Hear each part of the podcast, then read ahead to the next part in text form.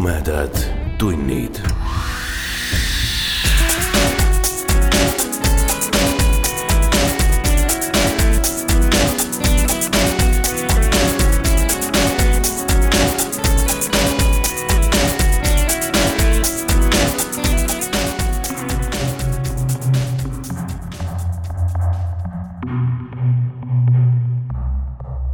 tere, hea ulmesõber.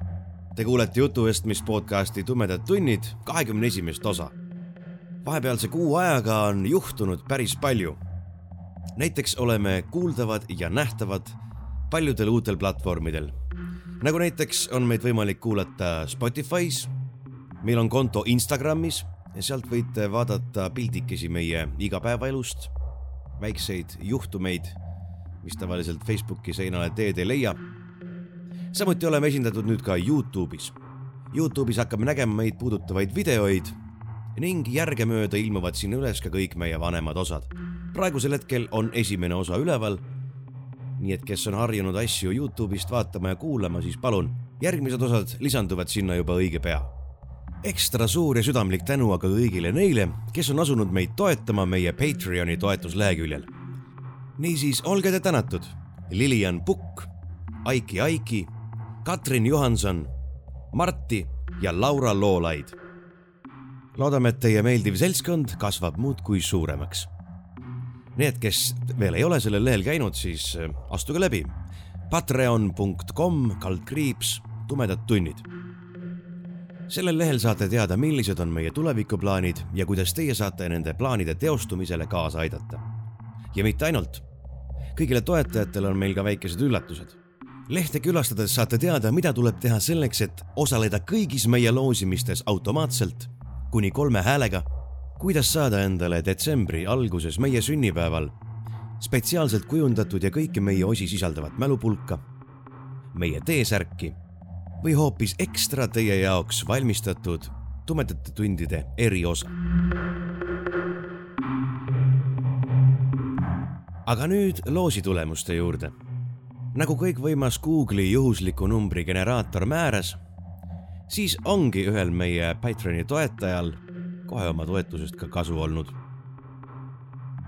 nimelt raamatu on endale võitnud Lilian Pukk. teise raamatu on võitnud endale Marek Kikas. palju õnne teile, võtame teiega ühendust ja toimetame raamatud õige pea teieni. aga nüüd meie järgmise auhinna juurde selleks on Maniakide tänava uhiuus raamat pealkirjaga Newtoni esimene seadus. auhinna on välja pannud autor ise. raamat on välja antud Lummur OÜ poolt käesoleval aastal. ja nagu kombeks on juba saanud, loeksin ma ette tagakaane peal oleva kirjelduse, et te teaksite, kas tasub selle raamatu pärast võidelda teiste kommentaatoritega teaduse ja tehnoloogia koidikul kannab torm vaba maavalla taevasse räsitud õhulaeva. miks lendab vaenlase mundris kapten sõja lävel olevale maale? samal ajal tekitavad Vaigamaa talupoegades muret salapärase kolde teadusmõisa ümber toimuvad õõvastavad sündmused. kuidas on see kõik seotud maavalla poliitika ja kuningakoja intriigidega? kas ainult suurtel ja võimsatel on maarahva saatuse osas midagi öelda? Kas maailm, mille ajalugu on läinud teisiti, on määratud meie vigu kordama? sellised küsimused siis seisavad Maniakide tänava raamatu Newtoni esimene seadus tagakaanel ja see auhind lähebki loosimisele kõigi nende vahel, kes jagavad Facebookis meie käesolevat osa puudutavat postitust, kirjutavad kommentaariumisse jagatud ja veel midagi ilusat, kui soovite et loosi tulemusi oodates oleks aeg lühem, pinevam ja pingelisem, siis seekord on aega loosimises osaleda ja postitust jagada täpselt nädal aega. ehk siis nädala aja pärast teeme me võitjad teatavaks meie Facebooki lehel ja võtame nendega ühendust. ma usun, et nüüd on juba lobisetud küll ja kõik ootavad kannatamatult tänast lugu. seepärast jätame ühe väikese üllatuse veel varuks ja selle esitleme pärast tänast lugu. nagu paljud teist on juba tõenäoliselt ära arvanud, on tänase loo autoriks Maniakide tänav. mina, Maia Öövel, Mattias Öövel ja Aiki Penno loeme teile Maniakide tänava kummitusliku põnevusloo Liblikad pimedusest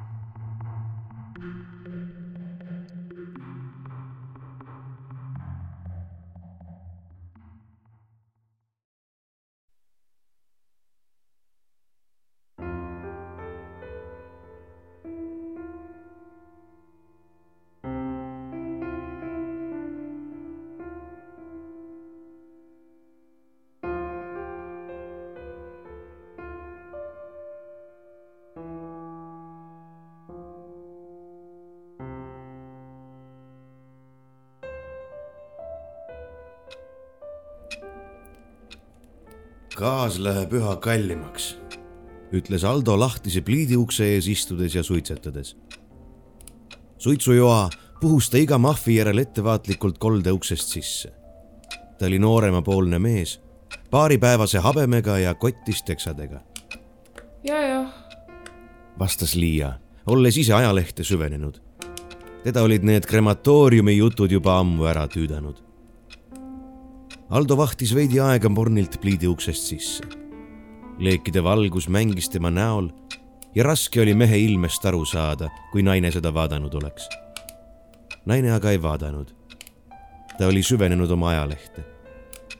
tegelikult oleks vaja välja mõelda, kuidas saaks laipu niiviisi põletada, et gaasi vähem kuluks, ütles mees mm. -hmm.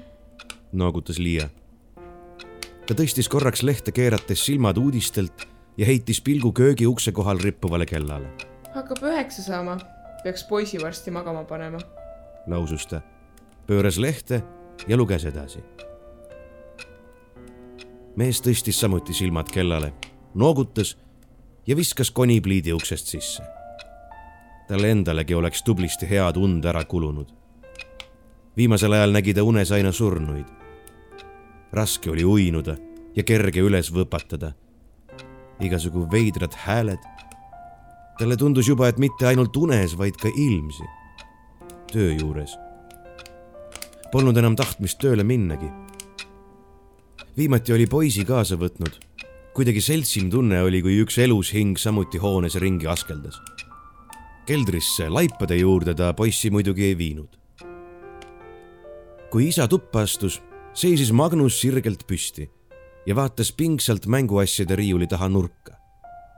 poiss võpatas ukse avanemise heli peale, nagu oleks ta midagi kartnud. kell on üheksa, Maku, sõnas isa. korja asjad kokku, aeg on põhku pugeda. kui tahad homme minuga uuesti töö juurde kaasa tulla, siis pead varakult üles saama. selle asemel, et hakata vannituppa minema, haaras Magnus isal jalast ja klammerdus tema külge. ta oli juba suur poiss, ulatus isale vabalt rinnuni endiselt ei pööranud ta pilku riiuli tagant ära. no, mis sa nüüd vigurdad, marss pesema, sasis isa poisi juukseid. see aga ei kavatsenudki lahti lasta. kust kohast need mustad liblikad siia said? küsis Magnus hoopis. mis liblikad? see, see ja see suur. näitas poiss toanurga poole ning puges isa selja taha Aldo vaatas, kuhu poiss osutas, kuid ei näinud midagi ebatavalist. tuba oli valge ja varjegi polnud. noh, tule nüüd, mühatas ta. sõrad ja kärss on vaja roosaks nühkida, ega sellisena saa magama minna. Magnus ronis isa kätt mööda talle sülle ja sosistas talle vaikselt kõrva. vii mind ise pannituppa. no sind laisk vorsti, naeris Aldo tegelikult talle meeldis, kui poiss vigurdas. see tõi nende suhtlusesse mängu ja lusti. mäng ja lust olidki just see, mis veel aitasid teda selle surnu põletamise töö juures. kui ei oleks olnud neid võlgu, siis püüdnuks ta juba ammu ametit vahetada. ära hakkas tüütama veeta oma päevi koolnute seltsis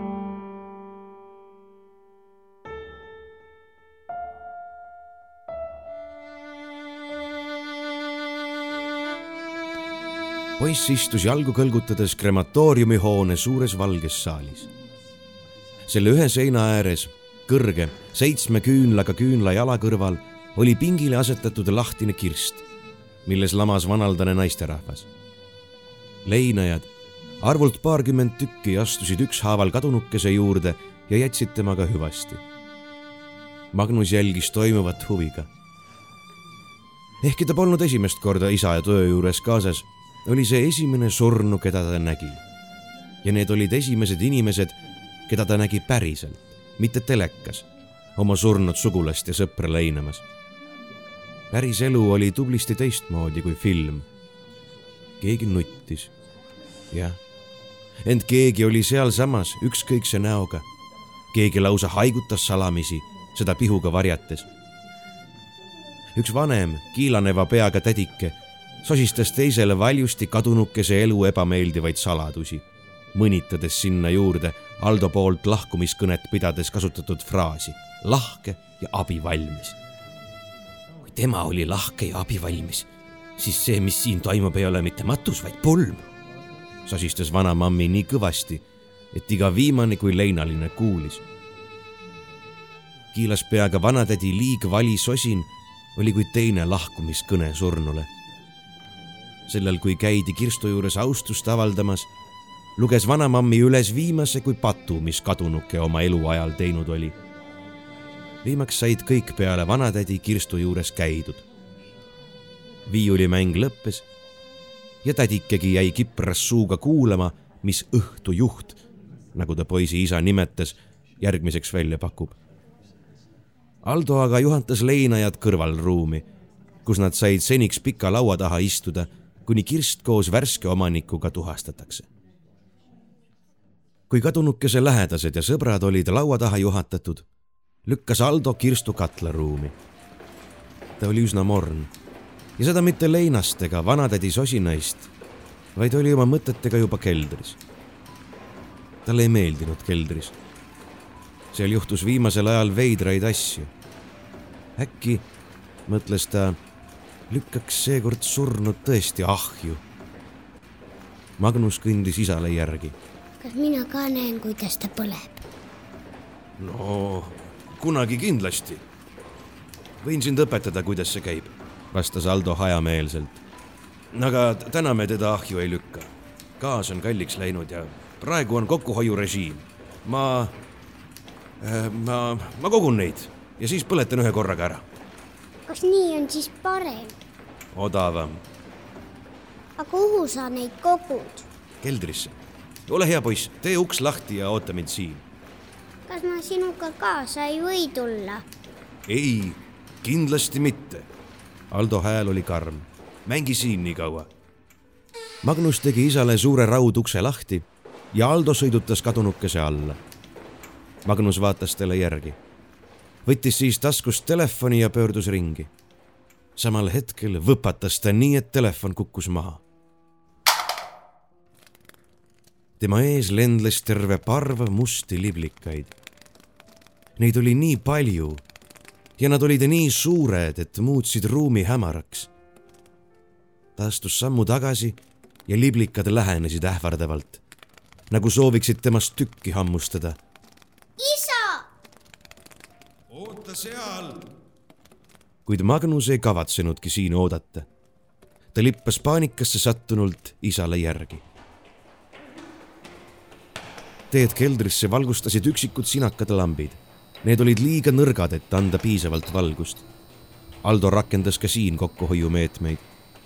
Magnus lippas isale mööda hämarat betoonist kaldteed alla jahedasse ja hämarasse keldrisse järgi altpoolt heljus üles veidrat lõhna. See oli kergelt magus ja kergelt ebameeldiv. ta jõudis isale järgi päris all. poiss vaatas suuri silmi talle avanevat vaatepilti. ehmatusega põrkas ta sammu tagasi ja liibus vastu seina. isa ei pannud teda tähele. ähkides upitas Aldo rasket surnukeha raamilt maha mütsatades kukkus naise surnukeha keldri põrandale. Kuhugi mujale ei olnud teda panna, sest iga viimane kui vaba pind oli surnutega kaetud. Neid istus toolidel, lebas laudadel, laudade all, riiulitel ja riiulite all. kõik uhkelt riides. näod sinakas valguses võikalt teravate varjudega, nagu pahased, et neid siin hoitakse, silmad pärani. issi, Aldo võpatas ja pöördus, nagu oleks teda hammustatud. Mis? kust sa siia said? ma ju ütlesin, et sa jääks üles. seal olid liblikad. Magnus kuulis oma selja taga praegugi pehmete, sametiste tiibade sahinat. poiss oleks hea meelega isa juurde varju tormanud, kuid õõvastav vaatepilt siin sees, see pahaste surnute saal, muutis ta jalad nõrgaks. mis pagana liblikad, marss üles. issi, tiivalöögid jõudsid alla, poisini. ta luksatas hirmust, kui liblikaparv tuhises tema ümber ja sööstis keldrisse, täites ruumi maast laeni. tiivalöökide tuulest pudenes ühelt riiulilt alla kivist tuhaurn. kõva raksatusega purunes see põrandale kildudeks. Aldo võpatas ja hüppas poisi juurde. vandudes surus ta poja instinktiivselt enda vastu. Magnus tundis, kuidas isa värises piiksus poiss. isa seisis liikumatult ja vaatas pead järsult siia-sinna keerutades suures hämaras kivikeldris valvsalt ringi. ta ei näinud liblikaid, kes olid maandunud kõikjale surnutele, nagu kuuluksid nad kokku. Nende suured tiivad liikusid ähvardavalt, nagu ootaksid nad midagi. Magnus püüdis ära arvata, mis see võiks olla. ta andnuks seda neile, kui teadnuks, mida nad tahavad no, no see oli rott, ma arvan. Neid siin ikka sibab. kuid ta hääl oli imelik, kuiv ja katkev. need on liblikad, nad tahavad midagi. rott, lükka surni alla vaseinas. Lähme nüüd ruttu. ta lükkas poissi enda ees ukse poole. järsku paiskusid mustad liblikad taas lendu ja ruumi täitis kõrvulukustav liblikatiibade kahin. Neid oli ignoreeritud, nad polnud rahul. nüüd kuulis tiibade häält ka Aldo. ta pigistas kõvasti poja kätt. Lähme. Nad ei jõudnud siiski uuesti liikuma hakata. äkki tundis Magnus, kuidas midagi suurt ja sooja ta endasse haaras. Mustad tiivad sulgusid ta ümber ja silmapilk muutus kottpimedaks. poiss hakkas karjuma. Aldo, kes tundis samuti tiibade mööduvat puudutust, krabas poisi sülle ja tormas ringi vaatamata kaldteest üles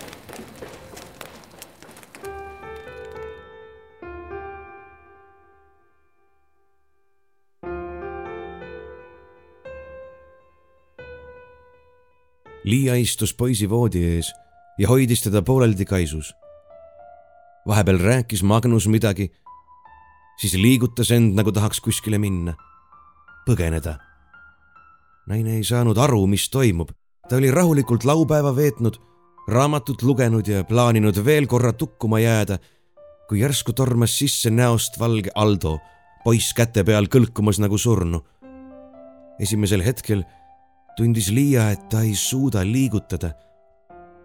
tuhat mõtet jooksid tal peast läbi. alles siis, kui Magnus liigutas end, sai naine esimesed sõnad suust. mis juhtus? ta peaaegu karjus need mehele näkku. kuid see oli samamoodi šokis ja seletas midagi segast. kui Liia sai aru, et mingit vigastust ega õnnetust ei ole toimunud, siis ta rahunes ja lasi läbi pea kõik ema ja vanaema õpetatud tarkused tal ei tulnud hetkekski pähe mõtet poissi haiglasse või kiirabisse viia.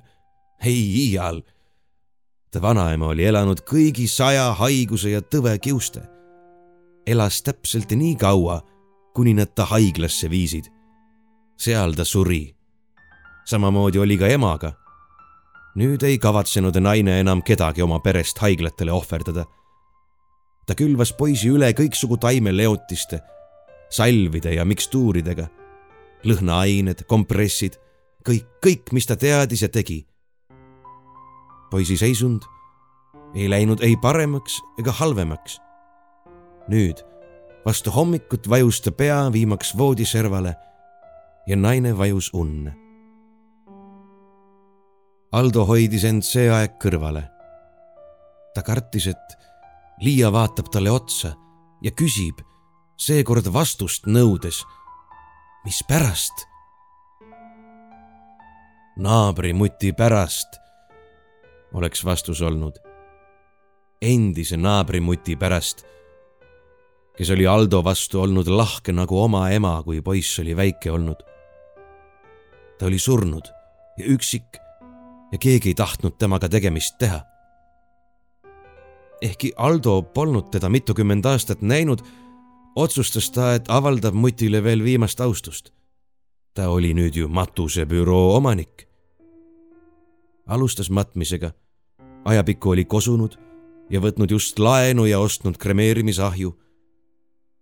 haigla surnukuuris ei tundnud ta vanamemme õieti äragi, kui pidi ta seal teiste koolnute seast üles otsima. eks vanadus ja haigus ikka muudavad inimest. lõpuks leidis ühe vanatädi, kelles oli tuttavaid jooni aimata. Surnuaial käis kõik ruttu, omakseid ju polnud peale matust läks ta koju, kutsus kirstukandjatest sõbrad enda poole, et nii-öelda mälestuspits võtta. pitsist sai juba pudel, kui uksekell helises. lävel seisid kaks lõunamaalase moodi meest ja tahtsid teada, kus on nende mamulja. suure džiibiga, kuhu ka kirst peale mahtus, sõideti öösel surnuaiale, otse haua äärde kaevati mamulja välja ja pandi õige memm asemele. Aldol vedas, et hing sisse jäi. mägede pojad olid oma mamulja rüvetamise pärast väga vihased. Õnneks oli nende matus järgmisel päeval.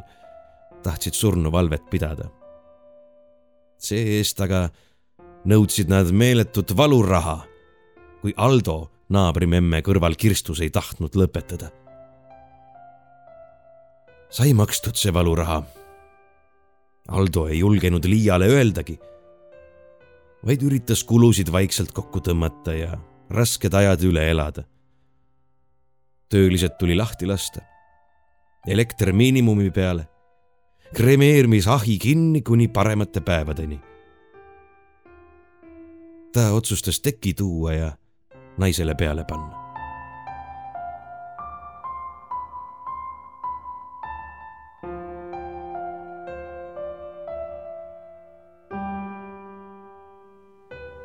tuul sasis maja ees puuoksi, ulus korstnas.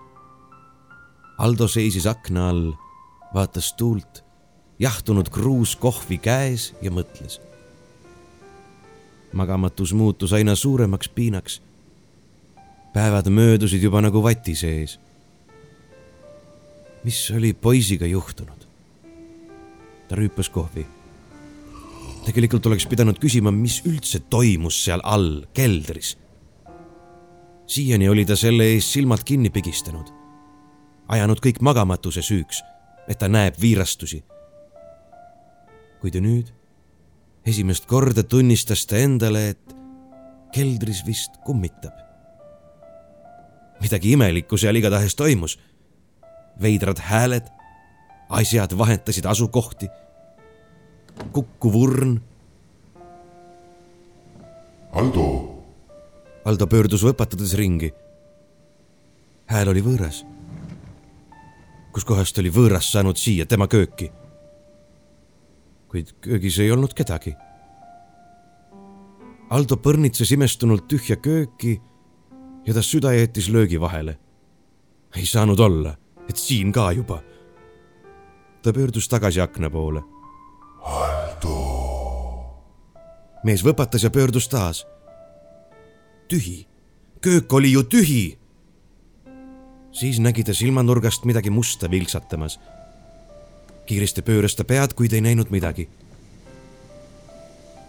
Aldo pani kohvikruusi käest. Üle ta selja jooksid tahtmatud värinad. ta neelatas, mõeldes, et mis siis saab, kui ka siin hakkavad asjad kukkuma ja mööbel liikuma seda ei saanud lubada. Aldo. Aldo võpatas, vihastas ja virutas toolile jalaga. kolinal lendas taburet köögi teise serva. käige kuradile, jobud! ta läks, tõstis tabureti tagasi oma kohale. Ma teile veel näitan. raisakari. ta vahtis vihaselt ringi, kuid vaadata ei olnud midagi. lihtsalt tühi köök. ta ei olnud enam isegi kindel, kas ta oligi midagi kuulnud või seda endale ette kujutanud. hakkas ta hulluks minema? ei. Maku oli näinud musti liblikaid. kas nad ründasid teda? Täiskasvanule nende hullutamine ei mõjunud, aga poiss, lapsed on ju vastuvõtlikud. tema oli arvanud, et tal on lihtsalt süümekatest luupainajad, et magada ei saa ta rüüpas väriseva käega kohvi, kõrv valvsalt kikkis. majas valitses vaikus. oleks siis kelleltki küsida. aga kellele sa lähed seda rääkima? Ta ei saa ju öelda, et kõik surnud on tal keldris kuhjas, põletamata. kellele sa seda räägid? kellele? siin aitaks ainult ime. aga kustkohast sa seda imet võtad? kui ainult, kui ainult minna otsima abi mõne nõia juurde. mingi muu asi ei tundunud enam aitavat. ainult ime. ja nõiad pidid tegema mõnikord imesid. kas minna tõesti mõne juurde ja küsida? paluda, et nood teeks midagi no,? laipu põletama nad muidugi ei tule, aga äkki saaks neist häältest lahti ja mis mis kõige tähtsam, Maku. kuidas poissi aidata? mis temaga üldse juhtus? närvivapustus või mingi kummituste loits, seestumine? Ta oli valmis juba kõike uskuma. ja magada. äkki saaks nõialt midagi, mis laseks tal jälle kord normaalselt magada. niiviisi vatise peaga oli raske mõelda selge peaga ei oleks ta kunagi poissi krematooriumisse kaasa võtnud. ta ju teadis, et seal on midagi imelikku. isegi kui ta seda endale tunnistada ei tahtnud.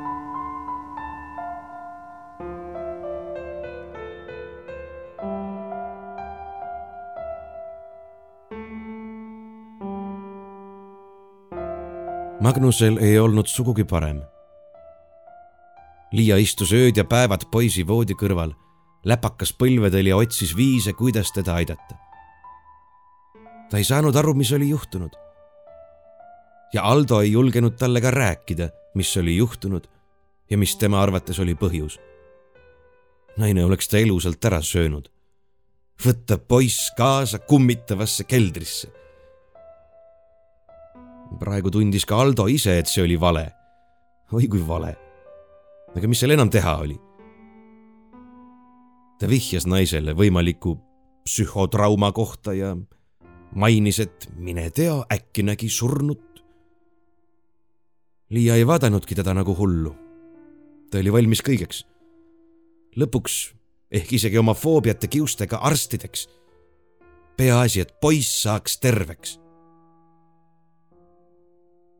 Kahekesi uurisid nad pikalt eri posijate kohta. rahutud hinged, poltergeistid Nad olid leidnud kolm erinevat tegijat, kes teistest veidi enam silma paistsid.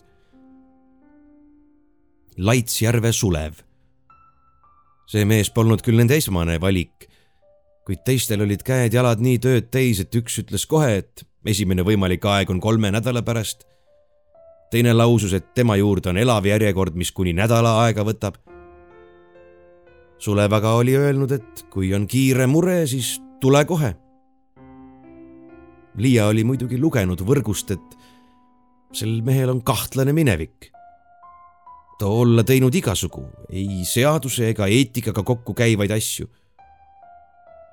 vaid korraks lõi Aldo kõhklema, kuid lõppeks see teda ei morjendanud. Tema jaoks oli see isegi nagu soovituskiri, sest ka mure, millega ta nõia juurde läks, ei olnud seaduse kuulekusest tulnud.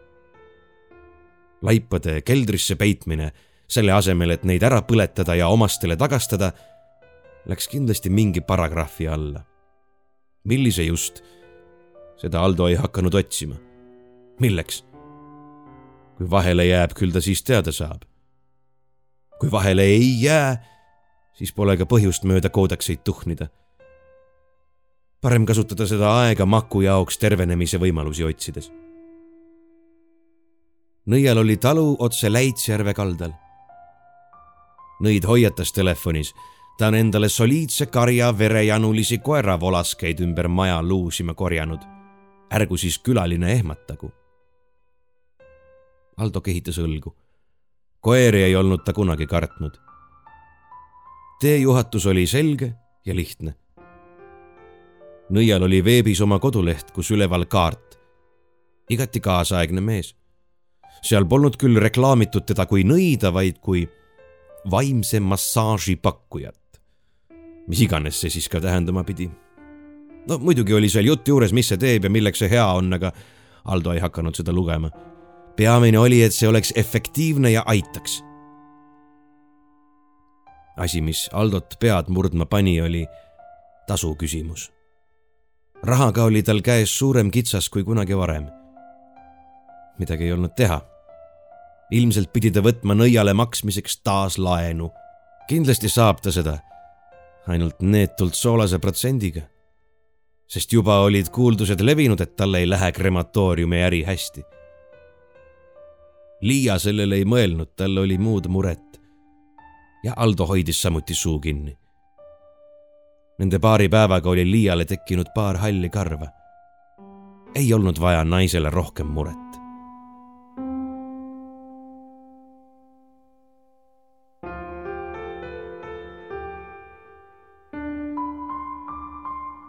nõia elamine seisis üsna korralikku mõõtu järve kaldal.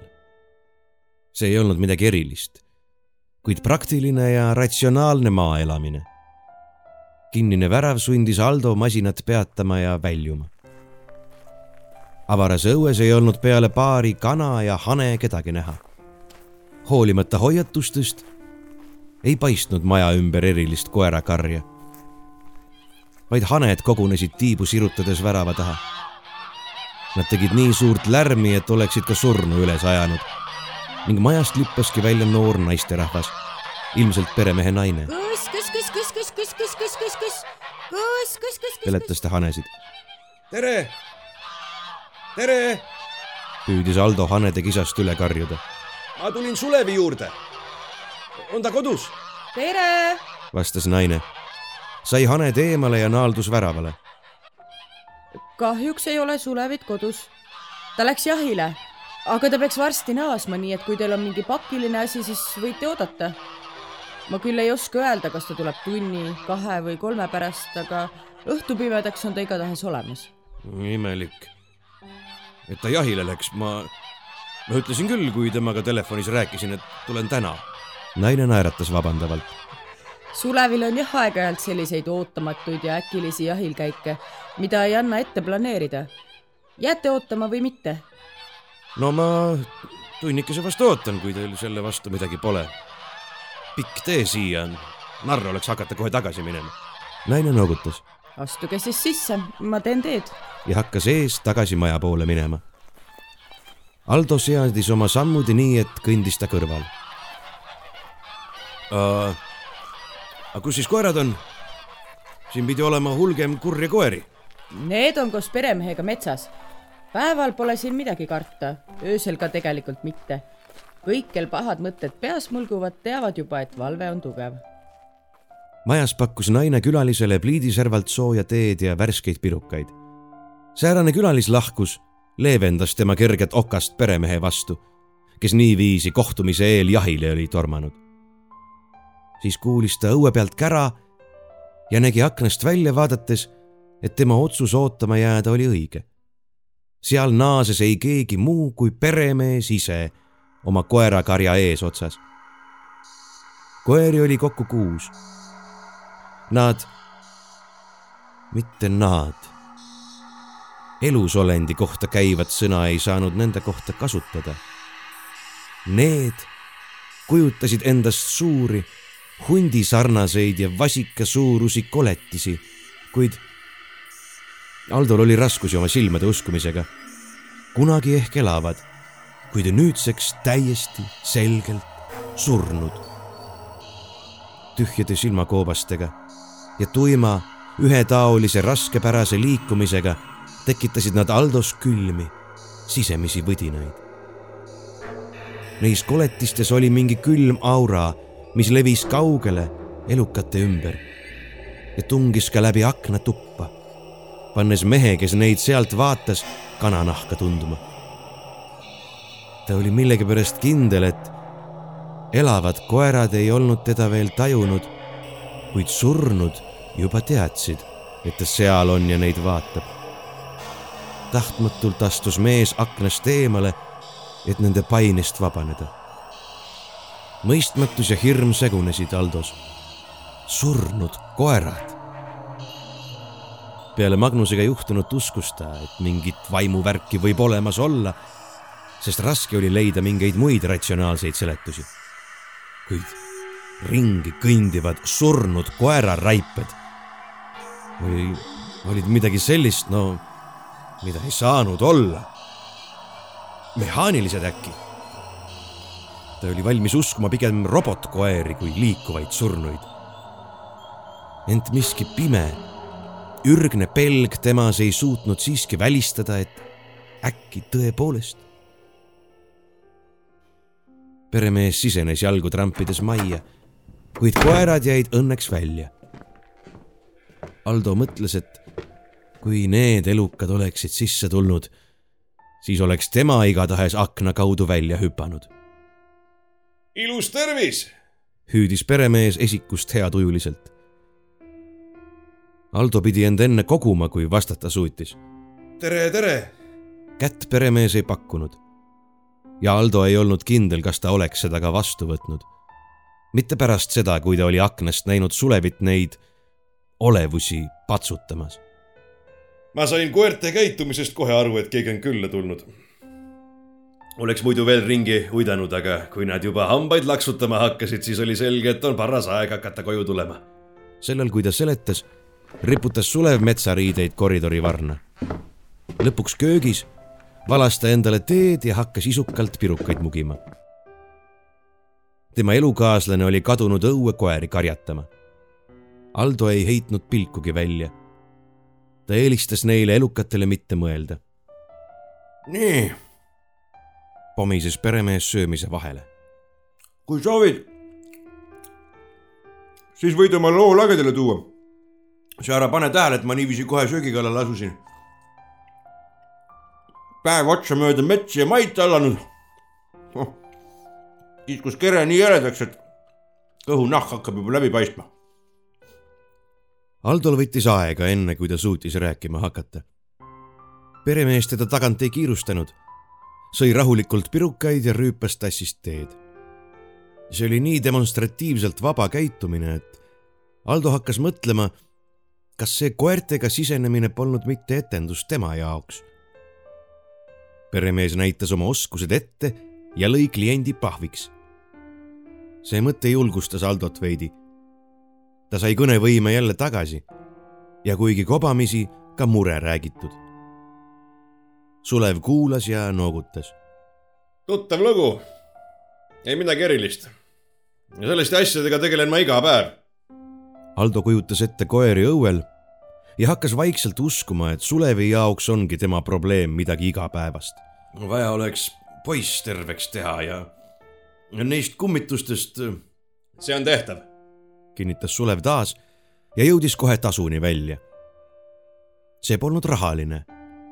kuuldes, mida nõid soovib, arvas Aldo, et ta kuulis valesti ja palus korrata. nõid kordas ja seekord ei petnud nõia väline heatujulisus enam abipalujat. tolle sinistes silmades sätendas midagi jälki. kas, kas ma võin hetke mõelda? Sulev tegi suuremeelsust väljendava käeliigutuse. minul kiiret pole. see, mõtles Aldo, on samm edasi sealt, kuhu ma ise oma tegemistega olen jõudnud. ta oleks keeldunud kuid minna tühjade kätega tagasi koju, poja voodi kõrvale, kui ometi on väidetavalt olemas võimalus. kui Magnus saab terveks, siis minugi poolest, lausus ta, asi on lihtne. ei midagi keerulist teie jaoks. ütles Sulev. ma annan teile kaasa ühe oma koertest. Aldo võpatas. nõid naeratas. ta vilistas ja Aldo kuulis kõrvaltoast mingit liikumist. Miski ajas end püsti ja tuli lohiseval sammul köögi poole. kas üks neist oli kogu aeg kõrvaltoas olnud? ta sundis ennast toa ukse poole pöörduma. samal hetkel, kui ta silmad ukseni jõudsid, ilmus sinna musta peletise ähvardav varikuju. nõid rääkis täpselt, mida Aldo tegema peab, kuid Aldol oli raskusi tema seletusi jälgida. ta oli otsekui kivistunud. See koletis talle sinna krematooriumisse neljandal päeval võite raipe minema visata ja rahulikult oma toimetusi tegema hakata. ah? peremees ei solvunud, et klient teda ei kuulanud, vaid hakkas rahulikult uuesti seletama. tõenäoliselt oli ta sellise efektiga harjunud, küllap isegi arvestanud. Aldo kuulas, vähemalt püüdis seda teha, ise aga jõllitas koera. see ei haisenud, see ei liigutanud, see lihtsalt seisis uksel, suurte kihvadega lõuad ammuli, kärbatanud keel ripnemas, karvad tokerjad, silmad peast välja jooksnud. saite aru, mida te tegema peate? noh, jah, pigistas Aldo endast välja. tundub, et sain. küsimusi on? Aldo keskendus, mõtles uuesti kõik läbi ja üks küsimus tal tekkis kuidas ma selle koera sinna viin? ta ei kujutanud ette, et ta peaks selle eluka enda juurde autosse võtma.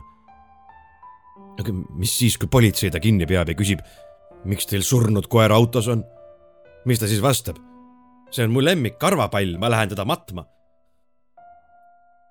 Aldo hingas aeglaselt, end rahustades sisse ja välja.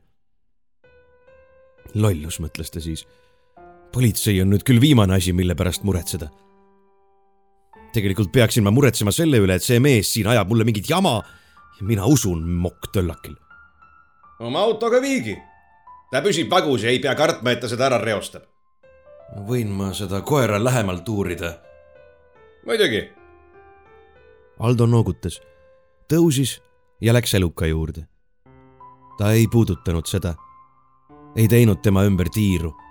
Ta lihtsalt seisatas selle eluka ees ja tundis õõva see, mis elaval olendil oli sees, hõljus sellel siin väljaspool, ümber. ta tundis, kuidas see puudutas teda oma nähtamatute haarmetega ja Aldo põrkas tagasi. puudutus ei olnud füüsiline, kuid tunne, et see kerge kontakt jättis ta hinge midagi määrdunud, oli äärmiselt füüsiline.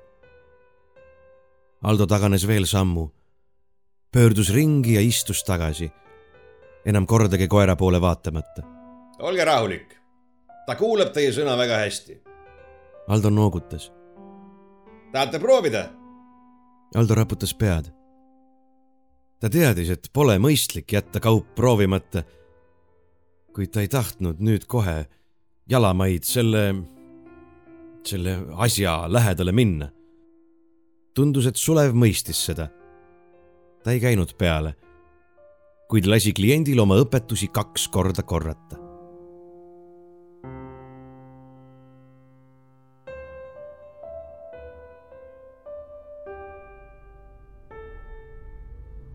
tuul vuhises lahtisest autoaknast sisse ja peksles Aldo juustes.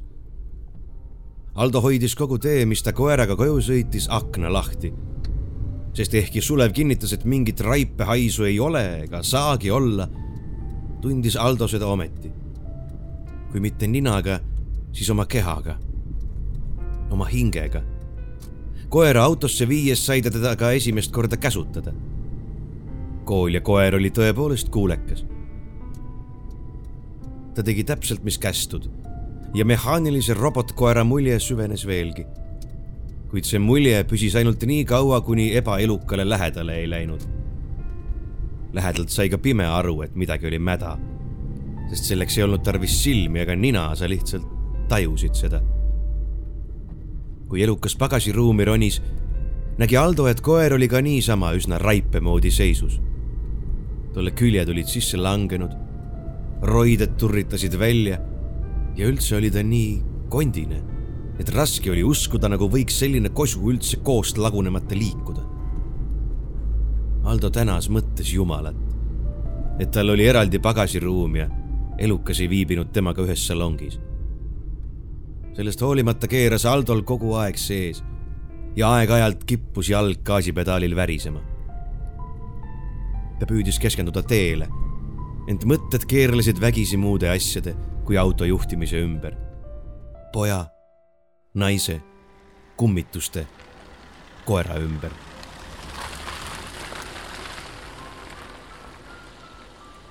krematoorium paiknes üsna linnaservas.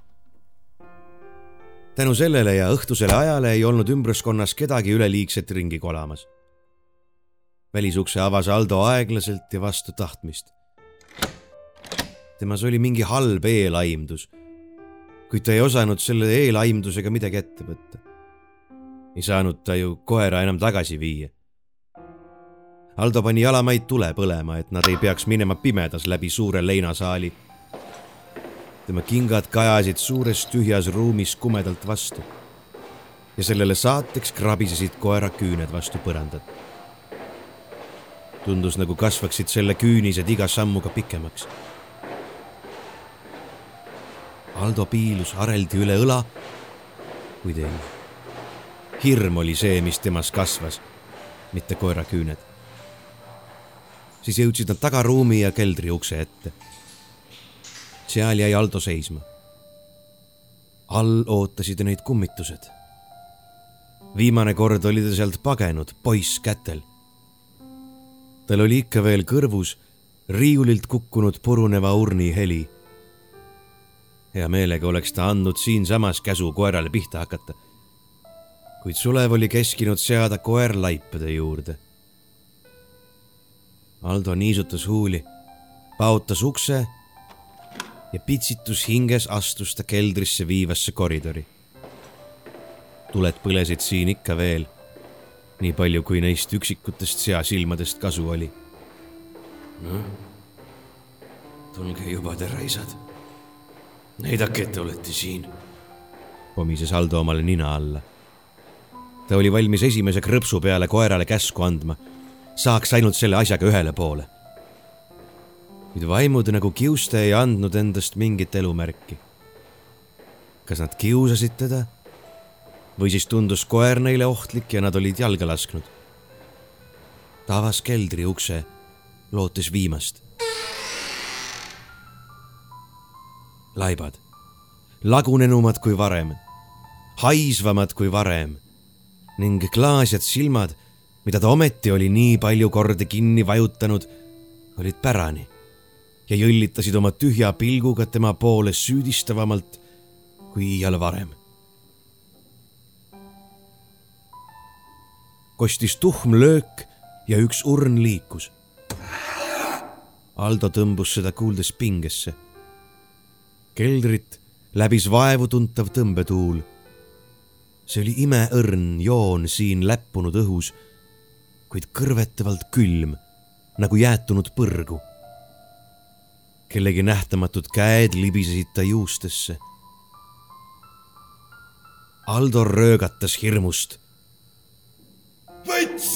karjus ta, unustades täiesti, mida nõid oli talle õpetanud. võta, rebi, jära! koer, seni nii truult talle järgnenud, tardus. Aldo karjus edasi ja põgenes. ta ei vaadanud kordagi tagasi hoolimata sellest, et selja taga algas kohutav möll. asjad lendasid siia-sinna laiali. raskeid urne pudenes riiulitelt nagu õunu. lauad lendasid ümber ja riiulid raksatasid seintelt maha. mitte miski, mida liigutada andis, ei jäänud paigale. Aldo jooksis üles, oodates iga hetk, millal keegi nähtamatu temast kinni haarab ja sinna alla surnud koera lõugade vahele veab mitmel korral tunduski talle juba, et miski hakkas hõlma. kuid umbesjalu, uksi enda taga pärani jättes, kihutas ta keldrist välja, läbi saali ja esiuksest õue. isegi seal ta ei peatunud, vaid kihutas hullunult kodu poole. väljas oli hämar, äärelinna tänavad tühjad. Ta aeglustas sammu ja piilus üle õla tagasi. krematooriumi uks oli pärani. muidu oli aga kõik vaikne ja pime. siis aga liigutas miski kõnnitee äärsete puude kroonides.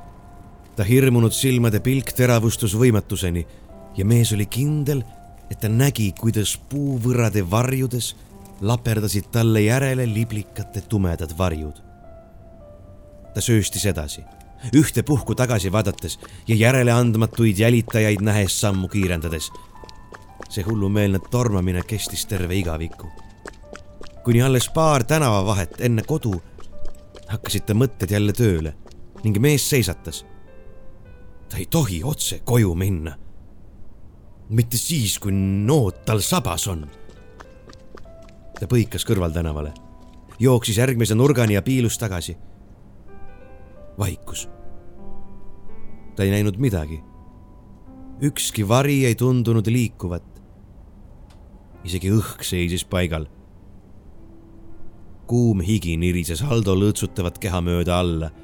käed ja jalad värisesid, kui uskuda seda järvenõida koerte manajat, siis peaks nüüdseks olema koer juba kogu keldri puhtaks teinud. osad vaimud lõhki kiskunud ja lasknud teispoolsusesse hajuda, teised minema peletanud. lisaks veel need, kes teda siia jälitasid.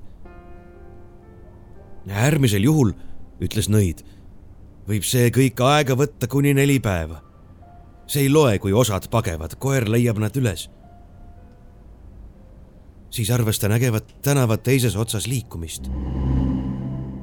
nagu mingi suur vari oleks libisenud hääletult üle ristmiku. Aldo tõmbus kiirelt tagasi. uuesti välja piilunult tundis ta kergendust, et see vari ei olnud tulnud tema poole.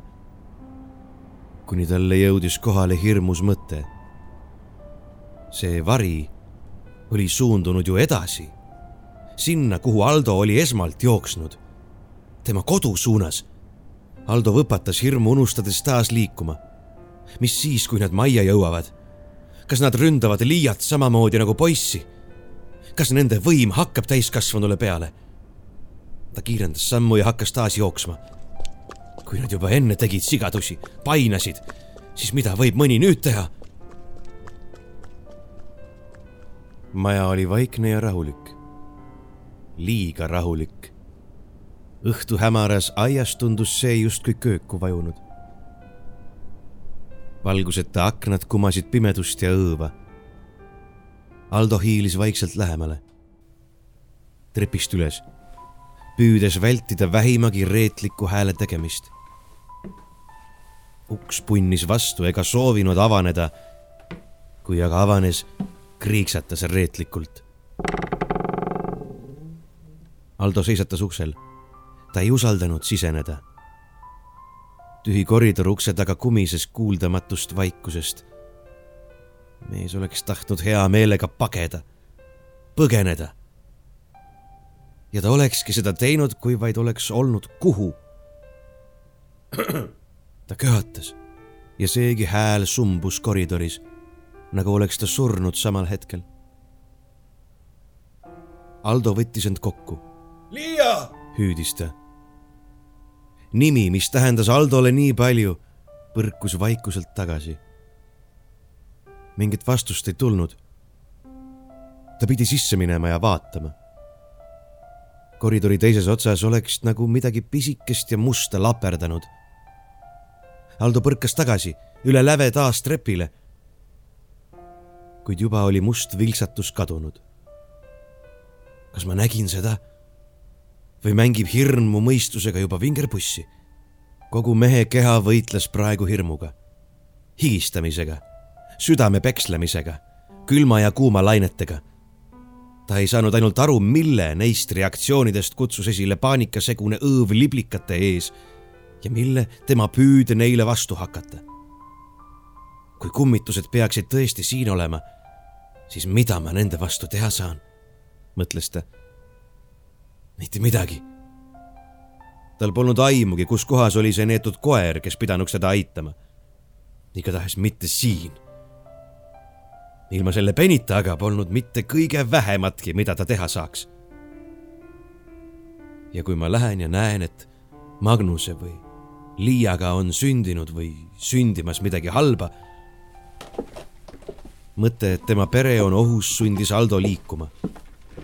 Mõne kiire sammuga oli ta möödas köögist, tühi. oli möödas elutoast ja magamistoast, tühjad. lükkas lahti vetsu ja vannitoa ukse ei kedagi.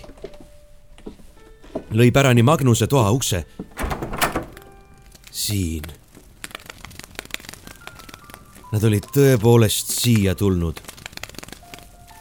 toa nurkades, kord kadudes hämarusse, kord sealt ilmudes, lendlesid mustad liblikad. parvedena, häiritult nagu oleksid nad just liikumatult lamavatelt inimkehadelt õhku ehmatatud. ta naine lebas liikumatult loote asendisse kerra tõmbunult poja voodi ees. Liia juuksed olid langenud tagasi, paljastades ta surnukahvatu näo. voodis lebas Magnus, sirgelt nagu pulk, täpselt samasuguses asendis, nagu ta oli Aldost jäänud.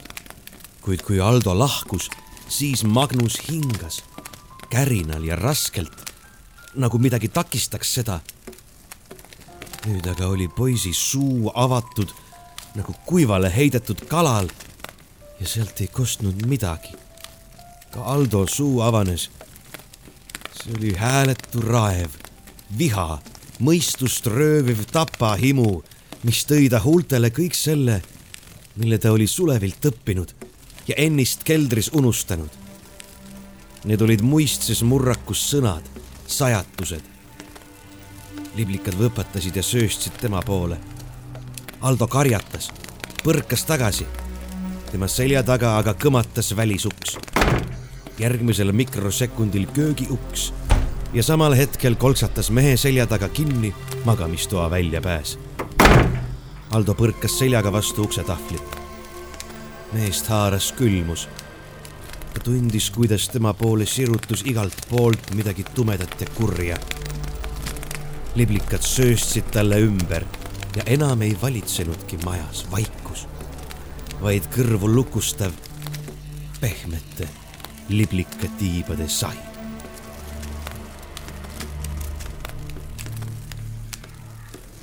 See ei olnud kindlasti nägemine mille kaudu jõudis Aldoni aimdus, et midagi kurja ja verejanulist voogas koridorist magamistuppa, läbi ukse, temast mööda. ta kehakarva nääpsukesed tõusid seletamatus õudustundes püsti. isegi tema juuksed ajasid end ebaloomulikult sirgu. läbi kõrvu lukustava liblika tiibade kohina kostis kaugusest tigeda ja näljase peni ulgumine toas puhkes tornaado, võitlus. ta tajus seda kogu kehaga, kuid ei näinud midagi. ta nägi vaid, et tumedad, laperdavad laigud tema ümber taandusid, hajusid, kadusid. see kõik kestis vaid mõne hetke. Ja siis vajusid ta kehakarvad väsinult alla särisev energia oli kadunud. saabus rahu. uksed kogu majas kääksatasid, avanesid paokile. isegi aknad, ka need, mis olid haagis, vajusid irvakile. Liia liigutas end põrandal. siis liigutas end Magnus. Aldo tuikus nende poole. jõud hakkas teda maha jätma liiga palju emotsioone oli temast täna läbi uhutud Liia, Magnus. naine ja poeg ärkasid nagu unest. Nad vahtisid segaste silmadega ringi, haigutasid ega tundunud mõistvat, kus nad on, mis aeg on ja mispärast on Aldo niiviisi hüsteeriliselt õnnelik. siis nende pilgud kohtusid ja hetkeks tundus Aldole, et nende nägusid valgustas äratundmine ma nägin nii naljakat und. pomises Magnus. mina ka. vastas Liia. Aldo, kes oli kartnud neid ärkavat hirmust hullununa, haaras nad oma embusse. see oligi, see oligi lihtsalt uni, pomises ta. halb uni, aga nüüd on see läinud. Kergendus, mida Aldo tundis, oli nii suur, nii ootamatu, et see tegi lausa füüsiliselt haiget. kogu ta keha, kõik, iga viimane kui lihas oli pingest kange. ka vaimselt oli ta täiesti kokkuvarisemise ääre peal. ta püüdis end püsti ajada, kuid oli järsku täiesti kohmakas. mis sinuga juhtus, isa? päris Magnus lihtsalt mulle, mulle tundus hetkeks, nagu te oleksite. puterdas Aldo. ta pühkis väriseva käega laubalt hoogudena pärlendama ilmuvat higi. Nendega on korras.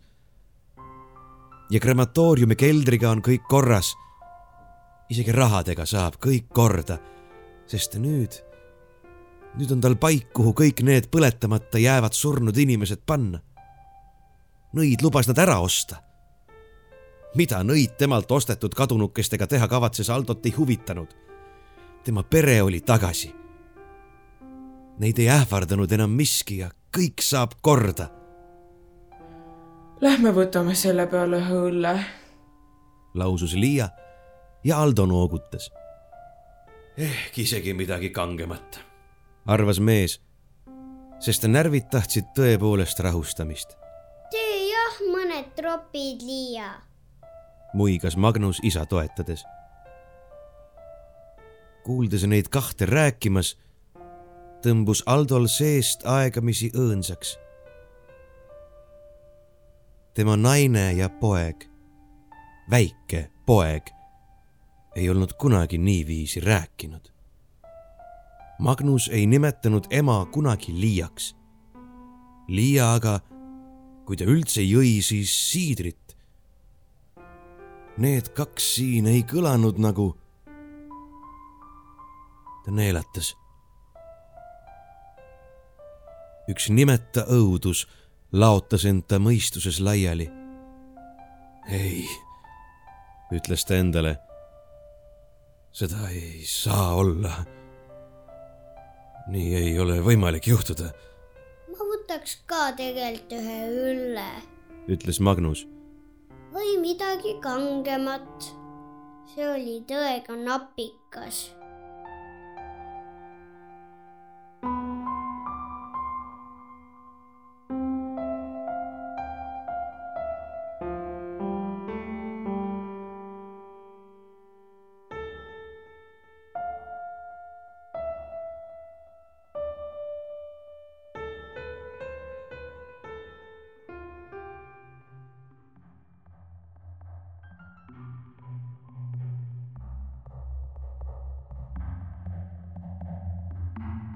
selline oli siis tänane lugu.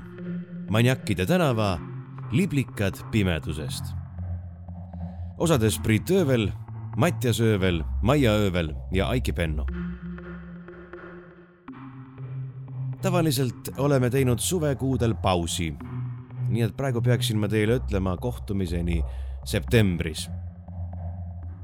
seekord me nii laisad ei ole kui eelmistel suvedel ja vähemalt ühe üllatuse tahame teieni siiski tuua.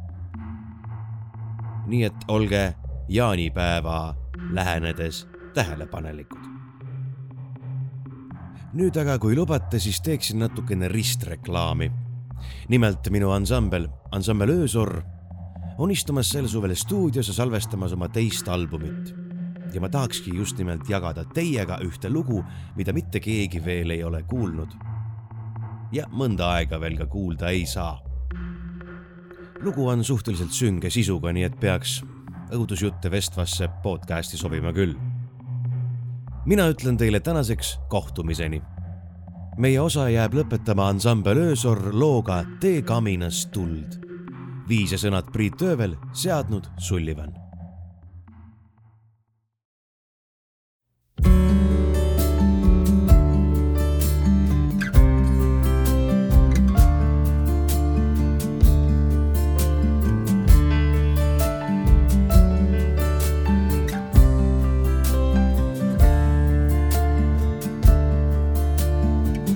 kätte punavaid lehti, lennutab saabunud sügis. varjamas süttinud tähti, pilveb aviisakalt trügis.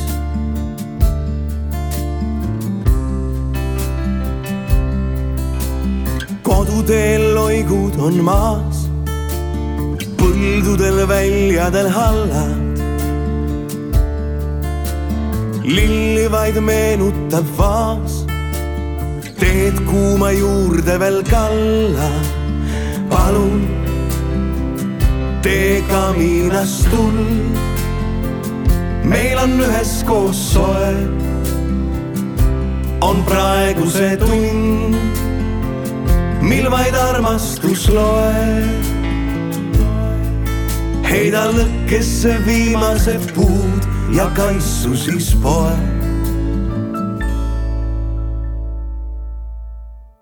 riidast on lõppenud halud, nüüd ainult sinust saan sooja.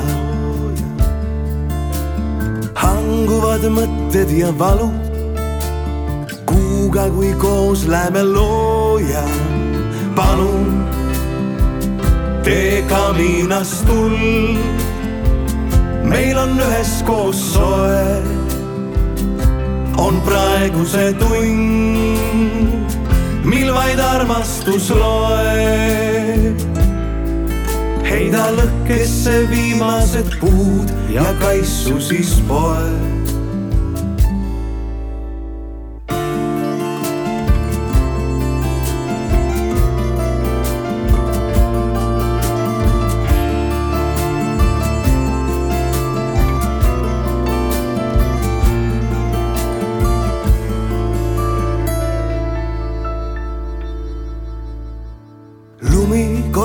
Matab kõik rajad, siit enam keegi ei lähe. kustunud hääled ja kajad jäävad vaid külmunud tähed. palun tee kaminast tuld, meil on üheskoos soe. on praegu see tund mil vaid armastus loeb. heida lõkkesse viimased puud ja kaisu siis poeb. palun tee kaminast tuld, meil on üheskoos soe. on viimane tund, mil vaid armastus loeb heida lõkkesse viimased puud ja kaisu siis poeb.